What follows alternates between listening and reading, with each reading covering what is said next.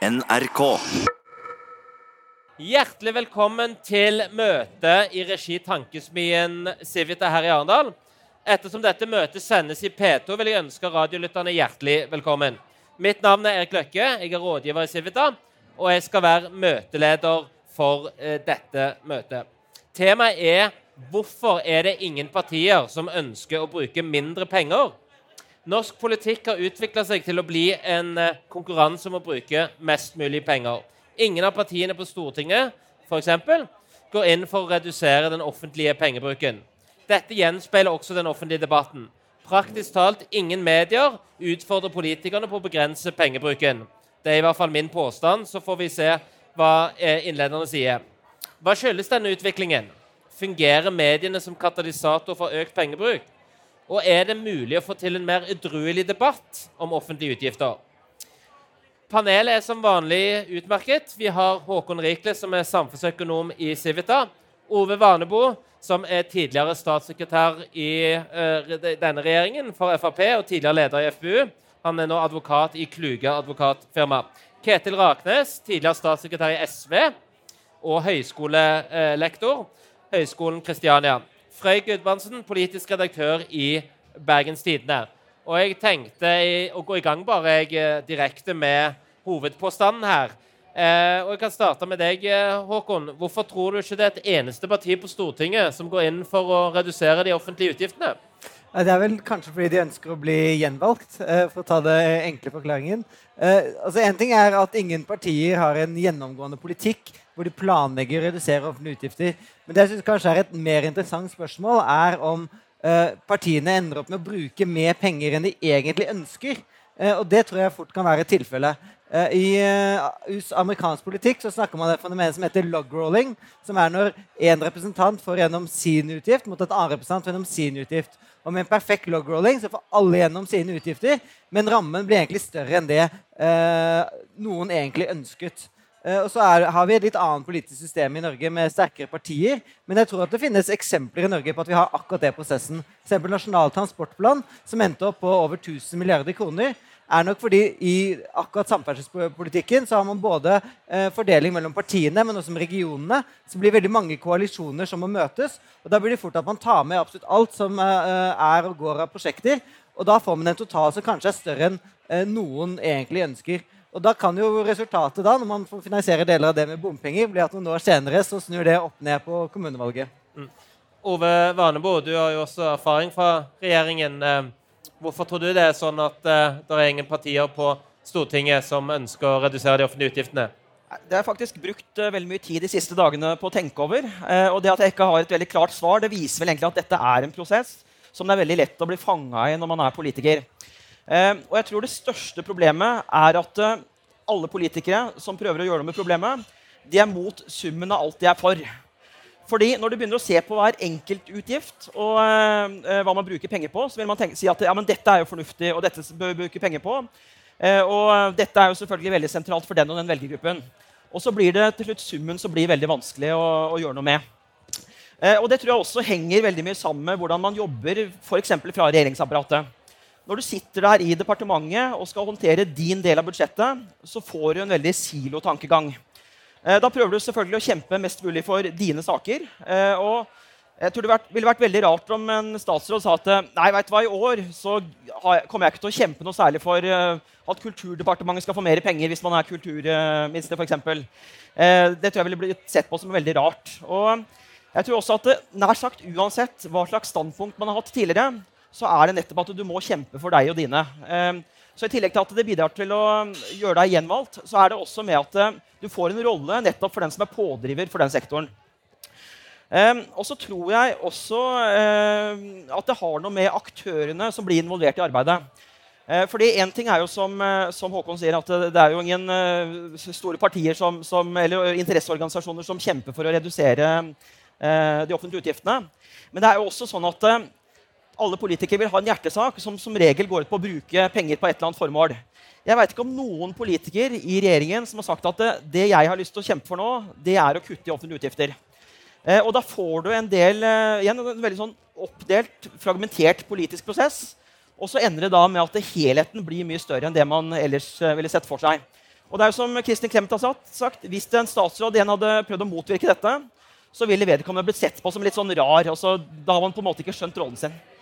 Ketil Raknes, du har jo bakgrunn fra SV. og så er det fra, fra det perspektivet. Hvorfor tror du at det er ingen partier som går inn for å redusere de offentlige utgiftene? Eh, jeg tror det er eh, en kombinasjon av veldig mange årsaker. som du ble nevnt her. Måten budsjettet lages på, er et problem i seg sjøl. Fordi at ingen, absolutt ingen har insentiv til å gå inn for reduserte utgifter uten å ende opp som en budsjettaper. Eh, punkt nummer to koalisjonsregjeringer er fryktelig dyrt. Fordi at man må alltid betale seg ut av eh, problemene for å få et flertall i eh, Stortinget. En tredje grunn er Arendalsuka og alt det som foregår her. Sterke interessegrupper som er veldig flinke på sine felter og lager veldig mye bråk dersom de får eh, reduserte eh, utgifter. Eh, og så er det mediene som skriver på lederplass at det er viktig med reduserte utgifter.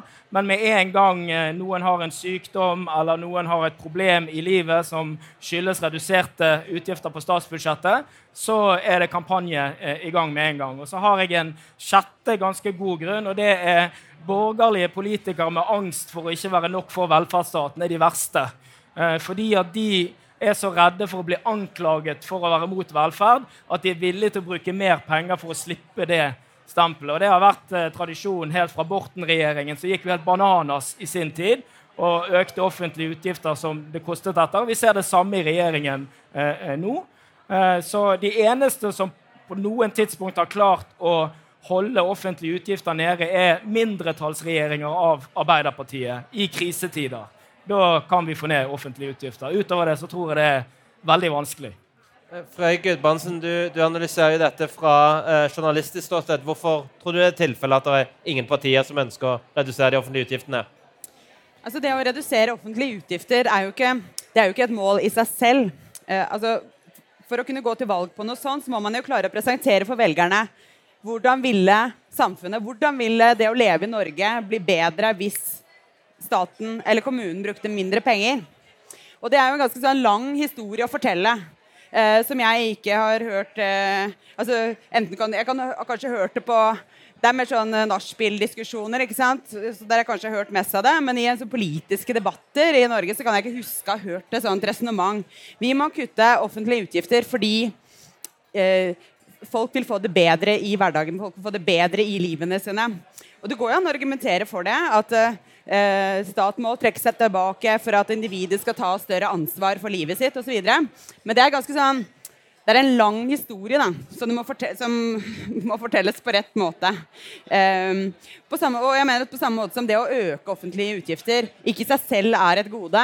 Uh, det er jo nettopp fordi du, det skjer fordi man vil oppnå andre mål. Så det også, å redusere offentlige utgifter er heller ikke målet. Så hva, hvis du skulle redusere offentlige utgifter, hva hva vil jeg som velger få igjen for det? det altså, ærlig talt, jeg vet ikke helt. Men uh, ja. Det er jo, det er jo, det er jo et, hvilket valgløfte er det man skal få fra et parti som vil kutte i offentlige utgifter? Men jeg tror det, altså jeg tror det, når det er sagt, så tror jeg det fins ganske mange politikere eh, som ønsker å eh, kutte offentlige utgifter, men de bare klarer ikke å argumentere godt nok for hvorfor det faktisk er viktig. Mm. Håkon, du har jo faktisk skrevet et helt notat med konkrete forslag til hvordan du kan redusere statens utgifter med 50 eh, milliarder. Eh, hvor mange politikere på Stortinget vet du om som har lest det her, eller som har sagt til deg privat at det, dette er gode ideer? Altså, jeg tror nok Det er mange som har tenkt at å, hvis vi bare kunne få til det, det hadde vært veldig fint. Men, men alle de kuttene er jo uh, i, per definisjon uh, upopulære. Eh, og for å få komme til til et så høy sum, som faktisk monner for statsbalansen og budsjettbalansen, så må man ta relativt store utgiftsarter. Denne regjeringen har i og for seg vært flink til å finne noen mindre besparelser her og der. Eh, ganske mange reformer som gir besparelser. F.eks. jernbanereformen nå, så klarer de å få anbud på tog eh, som gjør at det koster noen hundre millioner eh, mindre. Og da har de gjennom den besparelsen finansiert pensjonsutgiftene de første dagen, timene i løpet av året. Så de har da gjennom jernbanereformen finansiert vår pensjon eh, frem til kanskje 2. januar, som er min bursdag. så det er jo hyggelig. Eh, men, men det å liksom, skal man gjøre noe som monner, så må man ta de virkelig store utgiftene. Og da må man gå på kjernen av det, det eh, staten driver med, som er velferdsstaten, og finne ut hvor er det vi har ordninger som ikke trenger å være så store. Og da er det jo plutselig mye mer, populær, mye mer kontroversielt og mye mer betent å ta tak i. Også ordninger som mange har snakket lenge om kan gjøre noe med. F.eks. sykelønnsordningen er det vanskelig å se for seg. Eller f.eks. det å si at uh, det på en måte øvre middelklasse skal ikke få like høy dekningsgrad. Man kutter takene i en del ytelser. Det kunne man sett for seg at man gjør uten noen spesielle usosiale utslag. Men det tror jeg ville være veldig upopulært og kun være noe som kunne skje kanskje en krisetid. Ja. Frei. Det som er interessant for når det gjelder eh, jernbane da, og konkurransesektoren der sånn, eh, jeg synes jeg legger merke til at regjeringen er ganske spak når det gjelder argumentasjon for at dette gjør vi fordi staten skal bruke mindre penger. Man bruker gjerne, Det er lettere å bruke andre typer argumenter. At vi, gjør, vi vil ha konkurranse fordi da blir tjenestene bedre, vi skal ha nyskapning osv. Så videre. sånn at selv i de tilfellene hvor man har, uh, finner løsninger som vil kutte offentlige utgifter, så tør man ikke å stå for de argumentene engang. Man, man velger ja, man svikter selv der, da. Ja. Ove? Ja. Det, det, som ofte er problemet er at Når man endelig finner en uh, veldig god løsning å redusere offentlige utgifter på, uh, så klarer man på en annen måte å undergrave effekten av det. Uh, og da skal jeg ta et eksempel fra min egen tid i Justisdepartementet. noe vi har brukt veldig mye tid på, er å få mer standardiserte konseptfengsler. Som er sånn at du kan nærmest kopiere tegningene og så kan du sette det opp andre steder i landet. Sånn at du da slipper også ha ulike arkitektkonkurranser og, og ha nye byggemetoder hver eneste gang. Eh, og det er veldig bra. Det gjør at vi sparer eh, ganske mange hundre millioner eh, på å bruke den standardiseringen av fengslene. Men så klarer da politikerne i forhandlingene når vi skal bygge nye fengsler, å begynne å bestemme hvor fengslene skal ligge. Og da, da måtte vi jo forhandle med KrF og Kjell Ingolf Ropstad, som da kom fram til at dette skal ligge på Sørlandet. Eh, og når vi da hadde bestemt hvilke kommuner dette skulle ligge i, så kunne jo de som eide tomtene i det området, bare presse opp prisene, sånn at vi fikk en mye dårligere forhandlingssituasjon fordi det allerede var bestemt hvor fengslene skulle ligge. Eh, det er det ene. Eh, og det andre er at eh, man faller jo da i eh, Man får det problemet som Håkon er innom, at eh, hvis man begynner å gjøre noe for på velferdsordninger, så vil det ramme veldig bredt. Eh, og det man da gjør, er å finne litt snevre grupper. Så I fjor så prøvde man å, ta, eh, å kutte i ordningen til de som har cøliaki, eh, og som er veldig sensitive for gluten. Eh, og Det er jo for så vidt smart, fordi da, kan man argumentere med at, eller da lager man en endring som da ikke rammer det store flertallet. Men da begynner jo selvfølgelig mediene å kjøre på. å ja, skal dere ta denne svake gruppa her?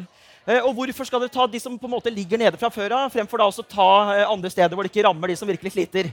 Eh, og Dermed så har man på en måte skutt seg selv i foten og klarer likevel ikke å få utretta noe. Ja, jeg har lyst til å spørre deg, Ketil Agnes. Det var jo tidligere eller avtroppende president i kommisjonen, Jean-Claude Juncker, da han var statsminister i Luxembourg, som en gang sa at vi vet alle hva vi må gjøre. Vi vet bare ikke hvordan vi skal bli gjenvalgt når vi har gjort det. Altså, Er det et demokratisk problem, denne situasjonen? Uh, altså, det, det, var liksom som Frøy sa. Eh, eh, litt av grunnen til at vi bruker mye penger i Norge, er jo at vi kan gjøre det. Eh, eh og vi har veldig eh, eh, mye penger i Norge. Så vi, ulik situasjon i andre land, sånn som Sverige og Danmark, har hatt reelle kuttrunder. I Norge, Kutt i Norge i statsbudsjettet i andre halv betyr jeg fikk ikke like mye økning på statsbudsjettet som i fjor. Det er liksom interesseorganisasjonens definisjon av kutt. da. så det, det, er liksom der vi er i Norge. da. Eh, eh, men så tror jeg i, i, i forlengelsen av det Bare ta et annet eksempel fra eh, regjering og den silo, og liksom hvordan prosessen med budsjettet fungerer. da. Så satt jeg i et møte en gang med flere departementer hvor vi snakket om digitalisering. Og digitalisering kan spare mye penger på tvers. Men da spurte en av byråkratene skjer det på mitt budsjett. Og hvis de pengene forsvinner, får jeg de tilbake. Og det er det andre, Hvis du sparer penger for staten, så forsvinner de ut. Så det er veldig Mange av departementene har heller ikke noe sånn insentiv i seg sjøl til å redusere utgiftene. For for mange departementer betyr det at pengene bare forsvinner, og så går de inn liksom i, det, i det store hullet. Eh, et land som er interessant, er Nederland. De har et sånt økonomisk analysebyrå som bestemmer før valgkampen hva det økonomiske handlingsrommet er. Og Nederland er faktisk det eneste landet jeg har sett som har hatt en valgkamp som var en ren konkurranse i hvem som var best til å kutte offentlige utgifter. Men da var jo utgangspunktet at alle partiene aksepterte Dette var jo etterkant av finanskrisen. Alle partiene aksepterte det. Og jeg tror det er umulig å se for seg i Norge Pensjonsreformen, f.eks. Alle må rammes likt. For Hvis ikke alle partiene rammes likt, så vil jo bare ett parti på en fløy gå ut og si se alle de andre kutte, bortsett fra meg. Og Derfor er det så vanskelig i Norge. Handlingsregel også et godt eksempel. Frp aksepterte den til slutt. Og dermed klarte vi liksom sette proppen litt grann i oljefondet. Håkon? Ja, altså, eh, det, det er både viktig spørsmål å stille hvorfor skal man egentlig kutte offentlige utgifter. At det må være en begrunnelse bak det. Eh, men eh, en ting jeg synes er interessant, er hvor i liten grad det finnes omprioriteringer innenfor en fast ramme. Og det blir sies hele tiden at uh, statsrådet har ikke noe, noe, grunn til å kutte sine utgifter. Men i budsjettprosessen, hvis de kommer opp med et eget kutt, så har de faktisk mulighet til å innenfor egen ramme å omprioritere det. Poenget er at det skjer så godt som aldri. Det er nesten aldri en, en minister som eh, tar en, en djerv idé for sin sektor, hvor de har lyst til å bruke eh, en stor ny sum på noe, og så ser de alt annet er det alt annet den sektoren gjør, verdt å bruke så mye penger på. Eh, så den rommet ligger der, og det er sannsynlig, men det gjøres ikke likevel. Og det, det, kan ikke skjønne noe annet enn at det må være fordi det er en viss sånn tapsaversjon. De som taper, er mer, er mer sinte enn de som, eh, de som vinner. Eh, og det er litt vanskelig å se for seg hvordan eh, hvordan det egentlig, man kan komme ut av det. Men, men, på et eller annet tidspunkt så blir både politikken så låst, man har bygd opp så mye utgifter, det er ikke så mye mer rom til å, til å få til noe nytt. At jeg tror at det, det, kan på et eller annet tidspunkt for noen som er modig politisk, det å klare å foreslå en eller annen stor, ny, populær satsing eh, som man er villig til å fullfinansiere gjennom andre kutt, og da finta de lavthengende fruktene. Det tror jeg kanskje kan være mulig. Men hittil har jeg ikke sett noen politikere som for nå med Arbeiderpartiet som foreslår skolemat. Det er mange gode grunner til å ha skolemat, men de klarer ikke å si hva de skal gjøre mindre av i stedet. Uh, men hvis man på et eller annet tidspunkt har nådd den veggen så mange ganger Man har lovt skolemat i én valgkamp og ikke gjennomført det. Man har lovt tannhelse i én valgkamp og ikke gjennomført det. Kanskje man neste gang lover noe nytt nå, men da faktisk har en fullfinansiert kuttliste i andre enden. Og så, så kan det vise seg å være populært hvis man foreslår faktisk er fornuftig. Ketil. Det har jo blitt bedre. På, på 80-tallet gikk jo han Arnt M. Henriksen han gikk rundt med kalkulator på SVs landsmøte og viste til folk liksom, hvor mange hundre milliarder de var over. Så liksom, i hvert fall SV, i hvert fall i den tiden jeg var der, han har hatt i hvert fall en litt positiv utvikling. at liksom, De fant kalkulatoren litt ut på 90-tallet og, og, begynte liksom i hvert fall forholde seg til økonomiske eh, eh, rammebetingelser. Men eh, eh en annen sånn interessant anekdote fra innsiden er f.eks. hver statsbudsjettprosess begynner med at Finansdepartementet sender ut en anmodning til alle departementene om å komme med forslag til kutt. Det, det er det vi begynner med. Jeg husker Første gangen jeg satt i Kunnskapsdepartementet, så fikk vi dette her, så sa vi, ja, må foreslå noe kutt. Så spurte de byråkratene er dette seriøst. Nei, nei, det er sånn vi gjør det hvert år. Eh, det er bare liksom en, eh, en, øvelse vi gjør, bare for å vise at vi kan kutte. Og så kommer MAS-konferansen og augustkonferansen, og da kommer pengene dettende. Eh, og innledningen til Finansdepartementet er alltid at rommet er trangt. Så, så, det er jo et eller annet med også at når man internt i regjeringa snakker om kutt, så skjønner folk at det egentlig ikke er seriøst. Og da tror jeg at hvis du skal kutte, så må det stå i regjeringserklæringen din faktisk at i løpet av den neste fireårsperioden skal de offentlige utgiftene reduseres. For da vil byråkratene de leser jo bare regjeringserklæringen. Det er den de forholder seg til. Det er den du styrer på. Så den første Det er klart, jeg, jeg kommer ikke til å sitte i den regjeringen, for å si det sånn, men uh, de som tør å gjøre det, uh, vil i hvert fall ha en sjanse. Men det er det sånn som Håkon snakker om, at vi skyver jo dette forover. Sant? Altså Det er snakk om 10-20. Vi klarer oss godt fem-ti år til. Men så kommer det jo et, et, trykk. Så det er jo egentlig et spørsmål om hvor vondt det skal bli eh, den dagen det kommer. Mm. Jeg tror at koalisjonsregjeringer har noe å si her også. Da. Fordi at jeg tror innen Eh, Høyre f.eks. kunne fint blitt enige med seg selv om hvor det skulle kuttes. Men, men partiene er bare utrolig uenige om eh, hva som kan kuttes, hva som, ja, hva som ikke er viktig nok. Da. Og så det, jeg tror Den dynamikken som vi har sett eh, eh, i regjeringen de siste årene, har jo vært ganske skrekkelig. Nettopp fordi man er mange der som er enige om, om at uh, offentlige utgifter på sikt vil være et stort problem. Men det er bare at med en eneste gang det kommer eh, man prøver å kutte et eller annet, så er det ikke sånn at uh, altså Da klarer man ikke å stå i det, fordi hvert enkelt parti altså KrF for eksempel, blir jo utsatt for et så massivt press fra sine egne at de begynner å bakke ut. Sant? og i andre saker kan det være Fremskrittspartiet som opplever det samme. så at det der å, Skal man få det til, så er den, der, ja, den alliansen vi har nå, er ikke spesielt ideell. da. Ove? Ja, altså, jeg, jeg tror at uh, Hvis man skal klare å, å kutte på enkeltposter, så må det være sånn at uh, det er på en måte populært å kutte. Eh, og det har jo vært noen eksempler de siste årene. Én eh, ting er jo å kutte i støtten til pelsdyrbønder. Det har man klart å gjøre til en positiv sak. Eh, og så er det jo noen som har prøvd dette med å kutte støtten til Human Rights Service. ikke sant? Det har man også prøvd å gjøre til en bra sak. Men den HRS-saken, også Human Rights Service, er også et eksempel på hvor, hvordan det går galt. da. Fordi det som skjer der, er at man først foreslår å kutte støtten til Hege Storhaug og gjengen hennes.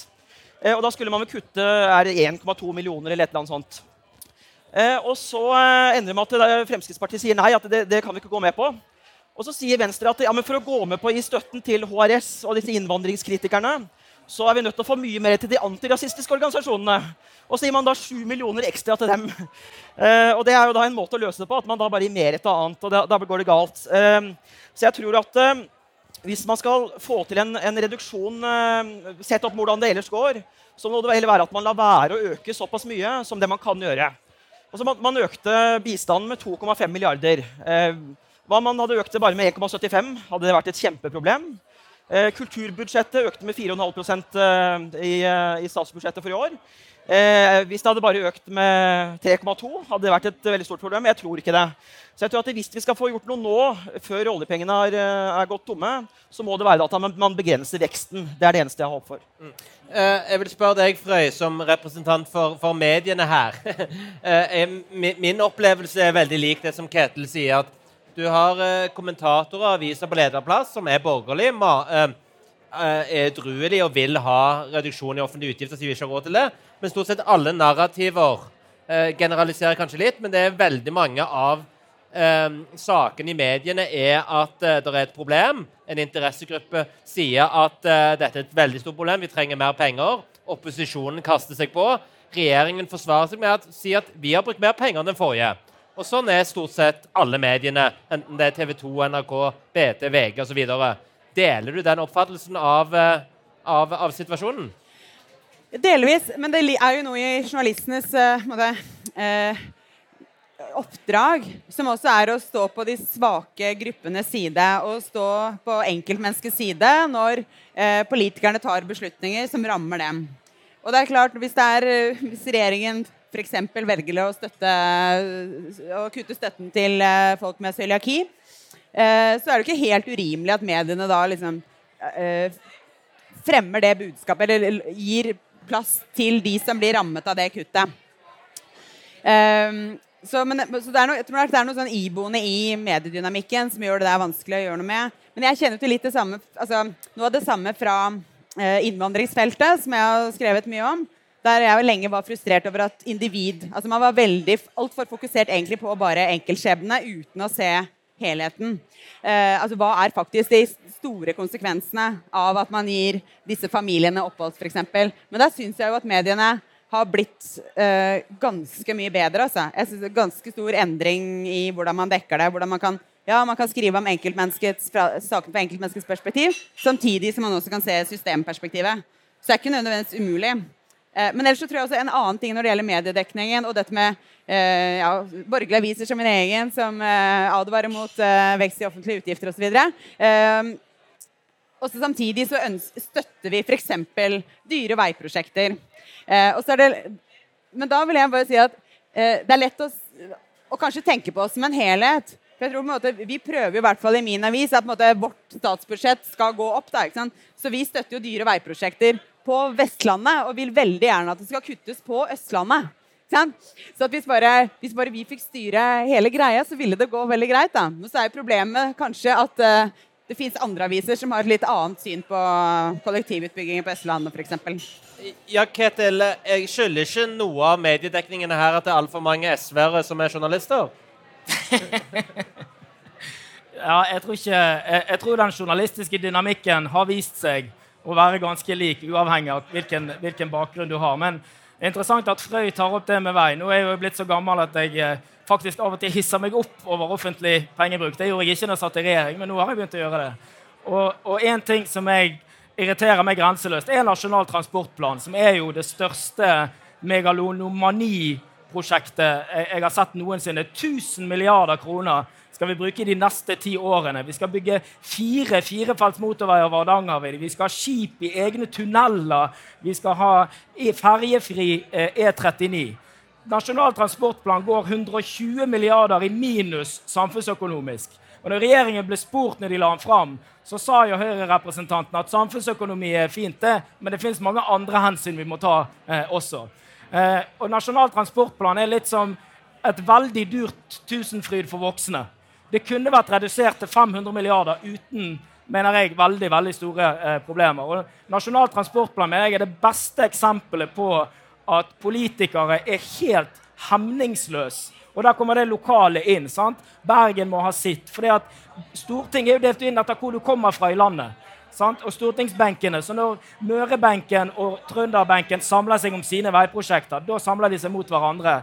Og da blir det liksom Så, så vei er jo skandale i Norge. Ja, Du nikker veldig, Håkon. Dette har du vært veldig involvert i.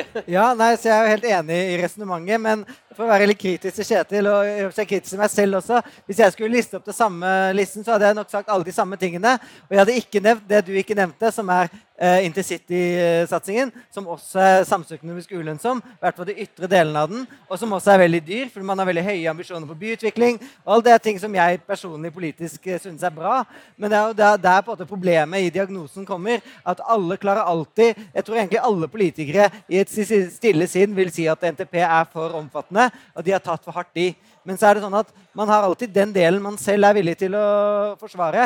Og, og, og også den delen man vil forsvare, åkke som hva samfunnsøkonomiske analyser sier.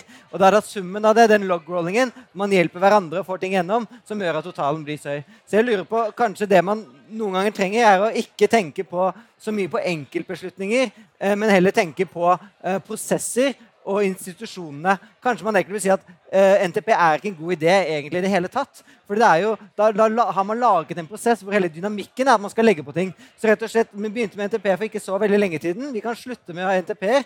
Kanskje heller vedta en total ramme som går til uh, transportetatene. Og så skal de legge frem sine prioriterte lister innenfor det som allerede har bestemt rammen. Og så får da lokalpolitikerne sitte i spenn, spenning om uh, dere, de kommer inn i rammen. Og hvis de ikke kommer inn i rammen, så må de få noe ut. Uh, vet ikke om det ville fungert, men i hvert fall NTP slik det er nå, fungerer ikke. Og jeg tror egentlig ikke man kan mane til edruelighet og disiplin. Man må endre hvordan systemet fungerer hvis man skal få andre resultater. Ove så Frøy. Ja, også, jeg, jeg, tror også at man eh, heller ikke skal undervurdere at det er jo en del gode mekanismer allerede i, eh, i byråkratiet.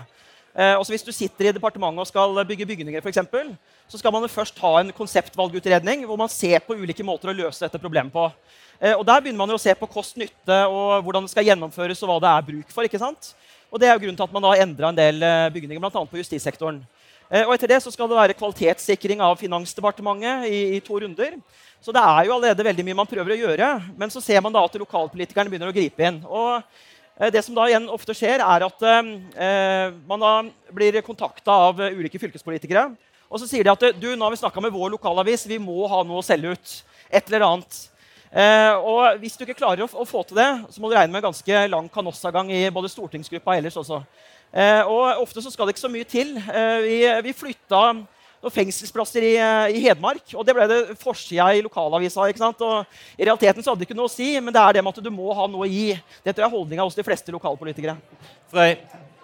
Nei, så jeg tenker at Politikere må jo være litt mer selvsikre i møte med pressen noen ganger. da. Altså, det er jo, det, for at det, man må jo stå for det man faktisk har uh, vedtatt. Men når det gjelder NTP, så er jo hovedproblemet er jo selvfølgelig at man er jo ikke enig om hvor mye penger man skal bruke. Man bare man finner alle de tingene man kan finne på å bruke penger på, som, som isolert sett er fornuftige prosjekter. Så det er jo et sånn grunnleggende, grunnleggende, problem akkurat når det gjelder uh, samferdsel. Og så vil jo jeg argumentere for at um, ja, fra fra et vestlandsperspektiv at det har vært brukt altfor lite penger i den regionen. Jeg mener liksom, jeg vil bare ikke slutte å argumentere for det. Og det, og det gjelder jo politikerne fra de ulike landsdelene. Så det og da er det jo noen som, som må ta beslutningen uh, og se helheten. Men det har man jo ikke klart å, å gjøre med stor selvsikkerhet, i hvert fall. Et annet spørsmål som jo er veldig relevant når man diskuterer i politikken her, og det, og det er jo spørsmål om det finnes et velgergrunnlag for et eventuelt nytt parti eller eksisterende parti som hadde gått inn for å kutte de offentlige utgiftene. Man hadde jo litt av denne diskusjonen og var litt av bakgrunnen for Liberal allians i eh, Danmark. Eh, hva tenker du, Frøy? Finnes det, finnes det nok virkelig borgerlig innstilte velgere der ute som kunne tenke seg å støtte et parti som ikke ville ha mer til alt hele tiden? I utgangspunktet så tenkte jeg nei. Men så, eh, hvis du tenker på det som har skjedd i Bergen og en del andre steder nå i det siste, med bompengeopprøret der eh, det, som er, det det er snakk om der, er at man skal, det de ber om, er at man skal kutte, i, kutte bompenger, som er en slags ja, og kutte den avgiften. Eh, og vi lever godt med at man bare dropper eh, å forbedre byen gjennom kollektivutbygginger osv. Og, så og eh, dropper veiprosjekter osv. Så, videre. så jeg tenker at er, Det er liksom et element av det. da, At man vil kutte i de offentlige utgiftene som skal gå til f.eks. Bybanen. Nettopp for å få lavere utgifter selv. Og jeg tror, det er, jeg tror kanskje der noe av den nøkkelen ligger. da, Hvis man mener at politikken eh, altså Politikken er bare man støtter ikke opp om pengebruken. Man er, kan ikke gå god for sånn politikerne velger å disponere midlene de henter inn. Da kan man se et slags folkekrav om å gjøre noe med offentlige utgifter. Det samme kan jo også gjelde litt eiendomsskatt, som du også ser lokalt. Eh, at, er, at, at, man heller vil eh, kutte skattene heller enn å ja, og Man kan leve godt med å ikke utvide velferdstilbudet. Men hvorvidt det liksom er mulig å løfte på nasjonalt plan, det er jeg usikker på. da. Men der, likevel, der skjer likevel et snev av en slags eh, ja, noe i nærheten av det du spør etter. da. Ja. Hva, hva, tror du, Ketil? Nei, jeg, jeg, jeg tror at uh, vi, politikere er tidvis ganske flinke til å sette ulike områder opp mot hverandre. Så for eksempel, Hvis du sier at jeg skal heller bygge barnehageplasser istedenfor å gi skattelette, eller jeg skal satse på helse, men det blir ikke så mye på vei, men problemet er jo ofte at totalen skal jo være omtrent den samme som, som før. Så det blir ikke liksom noen sånn reduksjon eh, eh, eh totalt sett. da. Så, så, det du må nå se for deg, er at politikere også må gå inn i en debatt og si at dette området kan rett og slett ikke få så mye vekst de fire neste årene fordi at vi skal satse på dette istedenfor. Men da får du problemer med seier og tap internt i regjering.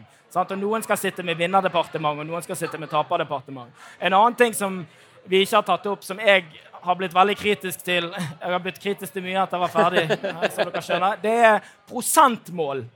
Syns jeg Jeg må bare si at jeg, jeg Vi satt jo i Heikki Holmås sa til meg en gang at det der forbannede 1 %-målet på BNP eh, eh, som kan gå til bistand, så sitter vi i budsjettforhandlingene og så må vi bruke 600 millioner på et prosentmål sant, for å flytte på penger. På et prosentmål som på en måte ikke ga mening i forhold til Det var ikke alltid departementet egentlig hadde kapasitet til å gjøre det på en fornuftig måte. Det samme er det der 1% i kultur. Altså sånn, når man setter sånne mål at visse felter skal få en viss andel av statsbudsjettet, i hvert fall når norsk økonomi vokser så mye som man gjør over tid, så gir ikke det Det er ikke fornuftig. Det er ikke rasjonell bruk av penger. Fordi det er ikke noe samsvar mellom kvaliteten i bruken av pengene og de pengene som, som, som, kommer inn. Så det tror jeg det der er 2 til forsvar og alt det der greiene der. Så det, jeg syns det er veldig tullete.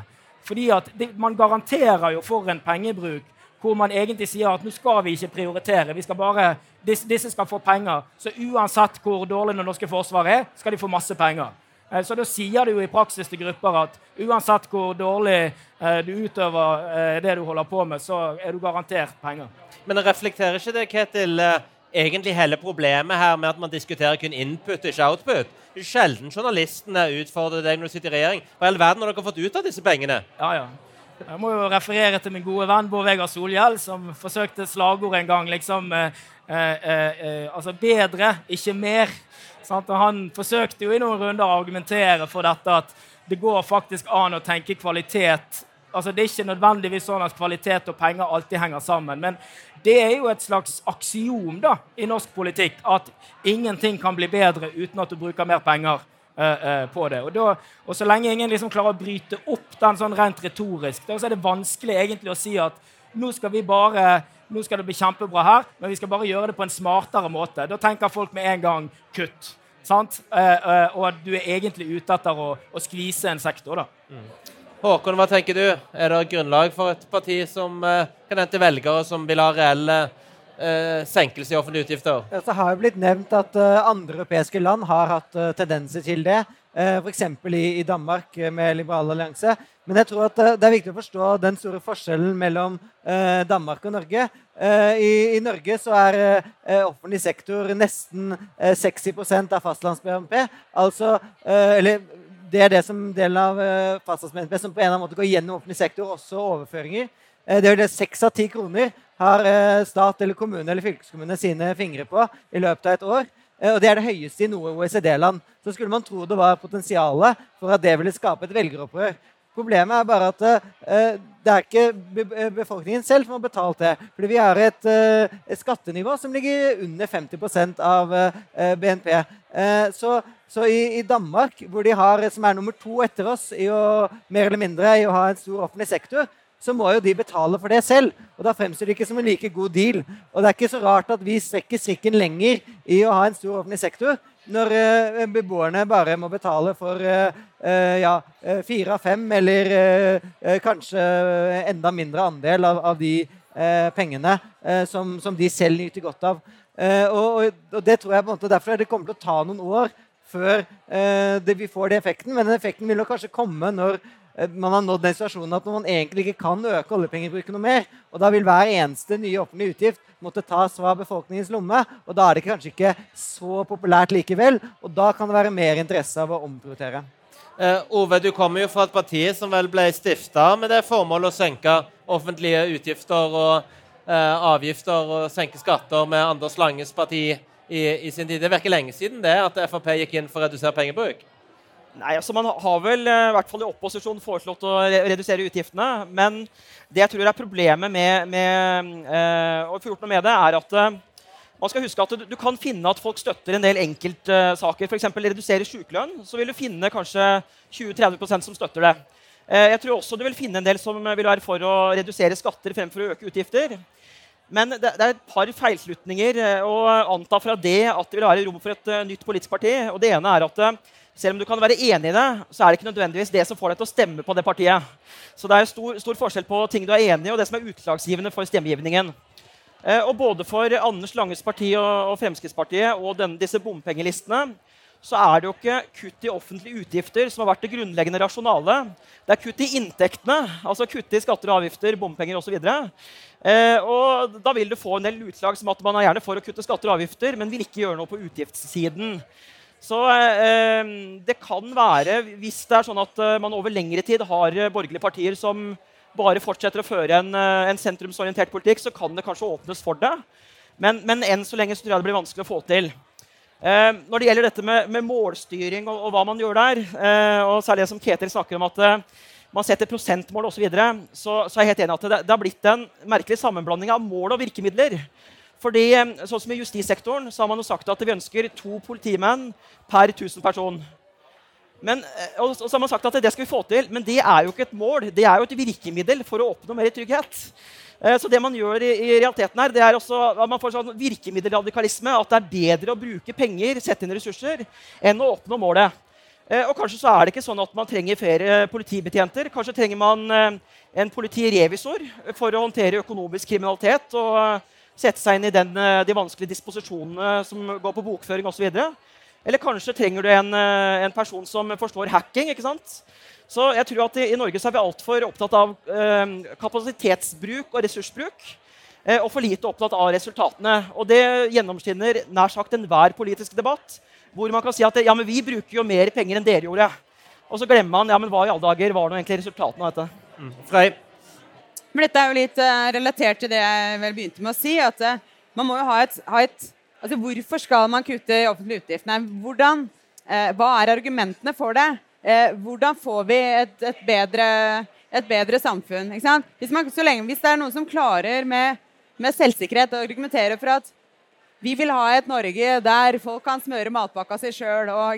Eh, da kanskje det kan appellere til en viss gruppe.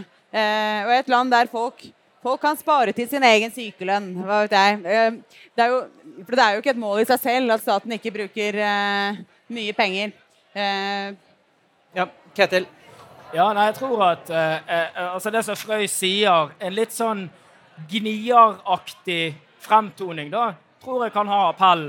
F.eks. på Sunnmøre tror jeg det ville falt i god jord at vi skal være forsiktige med sant? At, at det, Du kan se for deg politikere som hvor du kan bygge troverdighet rett og slett på det at du sier ikke nødvendigvis det folk ønsker å høre, men det de faktisk må. Det er sånn som du sier også, at, Men da må du villig til å stå det løpet ut. Eh, og Du kan ikke snu i det øyeblikket det begynner å bli litt eh, eh vanskelig. Men så tror jeg også at det er forskjell mellom sektorer her. Og én sektor som jeg ikke kan så mye om sjøl, men som jeg alltid syntes var den mest vanskelige, var helse. Eh, og husker når vi satt i regjering, Jens Stoltenberg syntes vi generelt var veldig gnien. Sant? Han var veldig imot veldig mye ting. Eh, eh, og, og, og, argumenterte som Finansdepartementet alltid. Dette er ikke lønnsomt, det er et dårlig forslag, eh, det gir ikke den nødvendige effekten. og sånn. Men det var én ting han aldri sa nei til, og det var sykehus. Så hvis sykehusene ville ha mer penger, så sa han ja, men det må vi bare gi. Og, og grunnen til det er jo at helse er jo et felt som er drevet fram av teknologi. Vi lever lenger, det koster mer. Og, og disse diskusjonene vi har hele tiden Hvem skal få kreftmedisin? Som koster så og så mange. Det er jo ikke en politiker i Norge som ønsker å ta i den diskusjonen. Fordi at i praksis er det jo en pris på liv og død, også på et statsbudsjett. ikke sant? Det er grenser for hvilke ting eh, vi gjør. Men jeg tror jo at i fremtiden så kommer nok helse til å bli det feltet som har de aller mest betente debattene knytta til pengebruk, nettopp fordi at vi får mange gamle, og det vil være altså, sånn, Hvor mye penger skal vi faktisk bruke på, å, å, å, på sykehusene våre? Ja, bare en liten oppfølging der for det får ordet, Frøy. Altså, eh, det, det, illustrerer vel de store forskjellene fra USA, hvor du kan få hundretusener til å demonstrere mot offentlig helsevesen. Vi står ikke i fare for å få noe lignende her i Norge med det første. Er det, det, er vel kanskje ikke noe du savner heller? Nei. Men, men, eh, men, det er jo sånn som, sånn som Frøy også og andre her sier, at har, det var en diskusjon eh, nå i forkant av partilederdebatten hvor forskere gikk gjennom hvorfor gjør politikere som de gjør. Og Svaret er jo veldig enkelt. De gjør bare det rammebetingelsene gir de mulighet til å gjøre. Og Derfor blir det en dårlig debatt. litt fordi at rammebetingelsene, De har begrensa taletid. Det er ti stykker. Sånn vil det være litt med debatten om penger òg. At politikere sånn som Håkon sa, vil neppe oppføre seg annerledes hvis ikke strukturen er litt annerledes. Så du må nok, hvis du skal liksom få mindre offentlig pengebruk, så må du nok også se for deg at du må forandre litt på spillereglene rundt det. For sånn som det er nå, sånn som systemet fungerer i dag, så er det veldig vanskelig å se for seg en prosess der noen skal komme heldig ut av Eller liksom komme ut som en vinner i en prosess der du skal forsøke å begrense pengebruken. Frøy? Men altså, Min opplevelse av norsk politikk i dag er jo også at den er rimelig visjonsløs. Og så har jeg forstått da, at man vinner jo ikke valg ved å ha visjoner, men, men likevel jeg mener at det er litt sånn, ja, et litt kjedelig symptom på at vi har det så sinnssykt bra. ikke sant? Så egentlig det som de fleste går på valg på, er jo at det skal være mer eller mindre sånn som i dag. Alle skal få, alle gruppene som har, får støtte i dag, de skal få det fortsatt. Og så handler det om å kjempe om litt mer. Men det er jo, selv om, rammebet, selv om vi har sinnssykt mye penger, selv om vi har oljefond, sånn, så er det lov å ha noen liksom, Burde være mulig å ha noen visjoner for hvordan det norske samfunnet skulle være. Og noen liksom, tanker om hvordan skaper man et bedre, et bedre samfunn. Eh, foruten å bruke penger på statsbudsjettet. Ja. Eh, Ove, eh, når man hører regjeringspartiene, ja, Høyre og, og, Frp, så er det sjelden de argumenterer eller prøver å skryte av at vi vil bruke mindre penger på helse, på vei, på nesten nær sagt alle sektorer, kanskje uhjelp et, et lite unntak. Eh, samtidig som de da insisterer på at de vil ha skatteletter som er mer enn da siden eh, Og samtidig ikke vil bruke mer av oljepengene. Da i hvert fall gjelder det for Høyre. Og Da skal man løse dette med sånn magiske kutt i byråkratiet. Jeg merker veldig ofte at jeg blir irritert av den type hva skal du si, eh, argumentasjon som eh, knapt er seriøst. Eh, du har jo vært på innsiden ja. av det her. Ja. Kjenner du deg igjen? Ja, altså det, det, er vel litt sånn som uh, den amerikanske satirikeren PJ O'Rourke sier. altså Eh, når høyresida er i opposisjon, så sier den at uh, politikerne kan ikke styre, og, og, og, staten klarer ikke å løse problemer. Og så kommer man til makta og beviser det. Uh, det jeg tror er, er, problemet, er at det er, det er veldig lett å, å, å begynne å snakke om altså Byråkratiet blir en slags sånn sekkepost, men så glemmer man ofte at byråkratiet er jo bare en funksjon ofte av, av lover og regler. Uh, som advokat så jobber jeg veldig mye med, med offentlig sektor og uh, ulike tilsynsorganer og, og lignende. Uh, og det som jeg syns ofte blir et paradoks her, er at man vedtar mange, mange, lover og regler.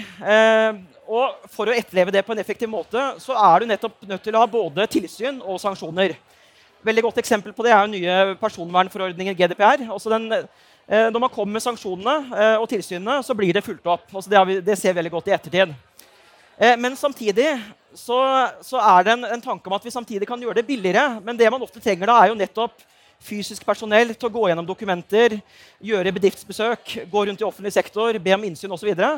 Og det er veldig vanskelig å tenke seg eh, uten at man da har eh, et ganske stort antall personell som, som, eh, som, dukker opp der. Så mitt inntrykk ofte blir at man, man tenker at ja, vi mener at man skal gjøre det, derfor så vedtar vi lovene og reglene, men så vil man på en måte ikke, ikke følge det opp. Eh, og, og, der tenker jeg at det absolutt er rom for selvkritikk ved å se at eh, det er en grunn til at dette oppstår. Det er en grunn til at du har såpass mange statlige ansatte.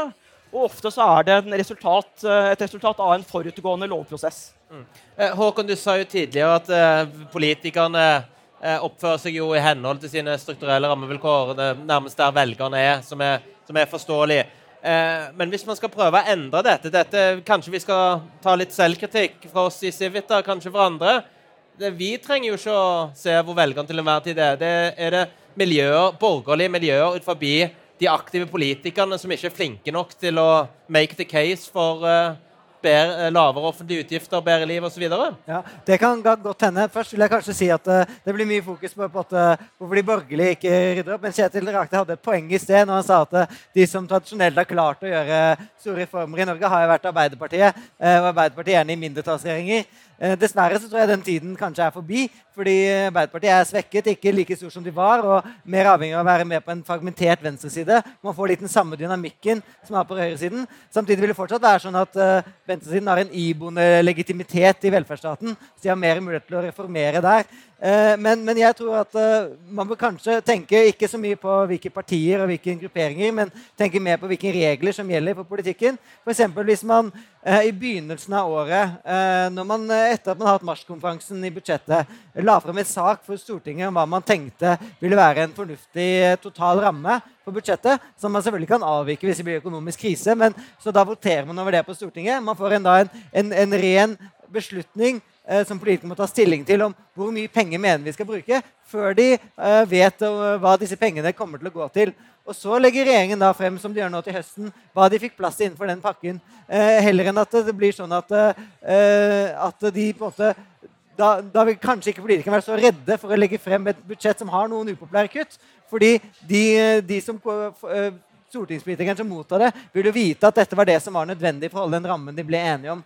Eh, nå vil eh, politikerne i regjering de vil måtte legge frem et budsjett de vet er ekspansivt. fordi de de upopulære kuttene som de kanskje trenger for å nå den rammen de tror er fornuftig, det har de ikke skapt en forståelse på forhånd at rammen må faktisk være som den er. Så gjør de alt de kan for å strekke rammen så mye som mulig. Ja, Ketil? Ja, eh, men jeg syns det var interessant det Frøy sa om at skal du skape en endring, så må du først bygge en historie rundt den endringen. Altså, du må klare å overbevise folk om at uh, dette samfunnet skal bli bedre. Uh, og hvis du skal skape en historie rundt hvorfor redusert offentlig pengebruk er bra for alle, så fins det bare ett dokument. altså Det fins ikke noe politisk parti, ingen interesseorganisasjon. Eneste som argumenterer for det i Norge, er perspektivmeldingen til Finansdepartementet. sant? Eh, og de er veldig aleine, tror jeg. Jeg tror det sitter noen og skriver den meldingen oppe i departementet. Og så legger de fram den meldingen, og så sier de det samme. Og så er det jo ingen som hører etter. Alle bare ja, ja, det er sikkert dumt det med helsebø. Ja, ja, ja, ha i kjeften. Vær så god. Og så fortsetter man akkurat som før. Så det er jo eh, det ene. Men det andre som jeg bare tenkte å Det er ikke for å være liksom, det er mer for jeg lurer. Det med eh, Jeg har snakket med høyrefolk eh, av og til, og så spurte jeg liksom, hva syns dere er mest irriterende med venstresiden. Hva er det liksom som virkelig irriterer dere? Det sa de at ja, det er det at dere mener vi er kalde. Mm. At vi, vi, ikke bryr oss egentlig om mennesker, og at vi liksom bare kutter eh, fra folk. og sånn. Det var liksom ofte sånn de følte at det tok de litt personlig. Og Det var derfor jeg sa det med borgerlige politikere og velferdsstaten et dilemma. fordi at borgerlige politikere det å få stempelet for seg for å være den som tar penger fra folk i rullestol og med cøliaki og uføretrygd. og sånn, Det er liksom et tungt stempel å bære. da. Så jeg tenkte Og det ser jeg jo Civita produserer jo hele tiden sånn Nå må vi redusere den offentlige pengebruken, og ja, når noen er lei seg, og, og sånn, men det, det, har jo null effekt. da. Så da tenker jeg bare Er, er det liksom en er det en teori som har noe for seg? tror dere? Jeg, tror det absolutt er en teori som har noe for seg. Okay. Eh, og jeg tror at eh, man, man, man, så det da Erna Solberg eh, regjering kom til makten først. og det de, det de, gikk til valg på, det var jo å, å ha eh, et bedre helsevesen med veiutbygging eh, og eh, bedre beredskap. Og, så, og, og, det skulle være da store penger til. Og de har jo absolutt fulgt det de, de har gjort det de lovte at skulle gjøre. De har brukt mer penger på de delene av uh, offentlige budsjetter som virkelig monner å bruke penger på, hvor milliardene virkelig flyr. Uh, og da, Det ser man jo resultatet av. Så de har, gjort, de har holdt det de lovte. Men, men det er på en måte, er, jeg tror ikke det er så mange runder til med valgkamper, uh, stortingsvalgkamper hvor man faktisk kan love det. Så på et eller annet tidspunkt så må, må noen partier reorientere seg. Og kanskje, hvis de klarer å finne noen, noen visjoner Jeg tror f.eks. Hvor kunne ikke KrF, som sier de er opptatt av barnefamilies økonomi, si vet du hva, vi skal øke, vi øke barnetrygden med, med 10 milliarder, og det skal finansiere ved å kutte sykelønnen med 15 milliarder? Eh, så er det, faktisk, det er faktisk viktigere for oss at eh, barnefamiliene som har sakket akterut i den økonomiske utviklingen, får det bedre. Det var på sett og vis litt ros til SV. da, På sett og vis det de i det skjulte gjorde da de finansierte barnehageutbyggingen. Fordi de, de, tappet barnetrygden år for år ved å la den ikke, ikke vokse. Og tok også litt på, på kontantstøtten eh, for å finansiere. Problemet var bare kanskje at eh, det var jo ikke sånn at de fullfinansierte. Eh, og i, i, fremtiden så må man kanskje mer enn fullfinansiere hvis man skal ha noen visjoner. Man må klare å kutte mer enn man bruker nytt. Men jeg tror det bør være mulig for politikere å komme opp med noen ting som, som faktisk gir litt, uh, uh, litt, visjoner og gir litt inspirerer velgerne, uh, hvis de bare er litt kreative. Vi er på veldig streng sendetid her, så vi går mot slutten. Så jeg tenker at alle skal få et minutt til å si det de ikke har fått sagt, eller har lyst til å si helt til slutt. Jeg kan starte med deg, Frøy, og gjerne hvis du har en idé til hvordan denne dynamikken kan endres litt. Hva, hva, hva, hvordan skulle det gjøres? Nei, jeg mener jo at eh, Det er et problem at borgerlig side rett og slett mangler litt selvtillit. og Jeg tror jeg er enig med det du sier, at man, man blir møtt med at uh, man, er, man, er, kald og, og nærmest ondskapsfull. Og så, og så, begynner man å tvile på seg selv. og Kanskje vi er slemme, kanskje vi egentlig er. Og så, så reagerer man med å bare gi vekk masse penger for at ingen skal tro at man er. Istedenfor å Istedenfor å bare stå støtt i det som man egentlig kanskje var liksom grunnen til at man er med i det partiet. da, ikke sant? Så, begynner man å vakle med en gang man får en anklage mot seg. Og det, det, er jo bare Jeg vet ikke. De må jo begynne å gå i terapi, de borgerlige partiene. Det er jo der det det stedet å begynne. Ketil, har du et råd til disse stakkars uh, høyrefolkene som er så redd for å bli uh, karakterisert som kalde og kyniske? Nei, men, eh, konklusjonen er jo at eh, Norge trenger ordentlige borgerlige politikere. For det er jo kjedelig for venstresiden òg, når høyresiden bruker så mye penger. Så, så, vi trenger litt sånn ordentlige borgerlige politikere som vil virkelig bruke litt eh, eh, mindre penger. Og så trenger vi kanskje en venstreside som, som også er villig til å gå inn i de diskusjonene. For det, er jo sånn som det blir sagt her, dette vet vi i diskusjoner som kommer. Eh, og det er jo på tide at hele det politiske miljøet Eh, må, og, det må, og, det må, komme som en felles løsning. sånn som Jeg sa innledningsvis. Jeg tror det må være et større forlik, et større, sånn at alle rammes likt.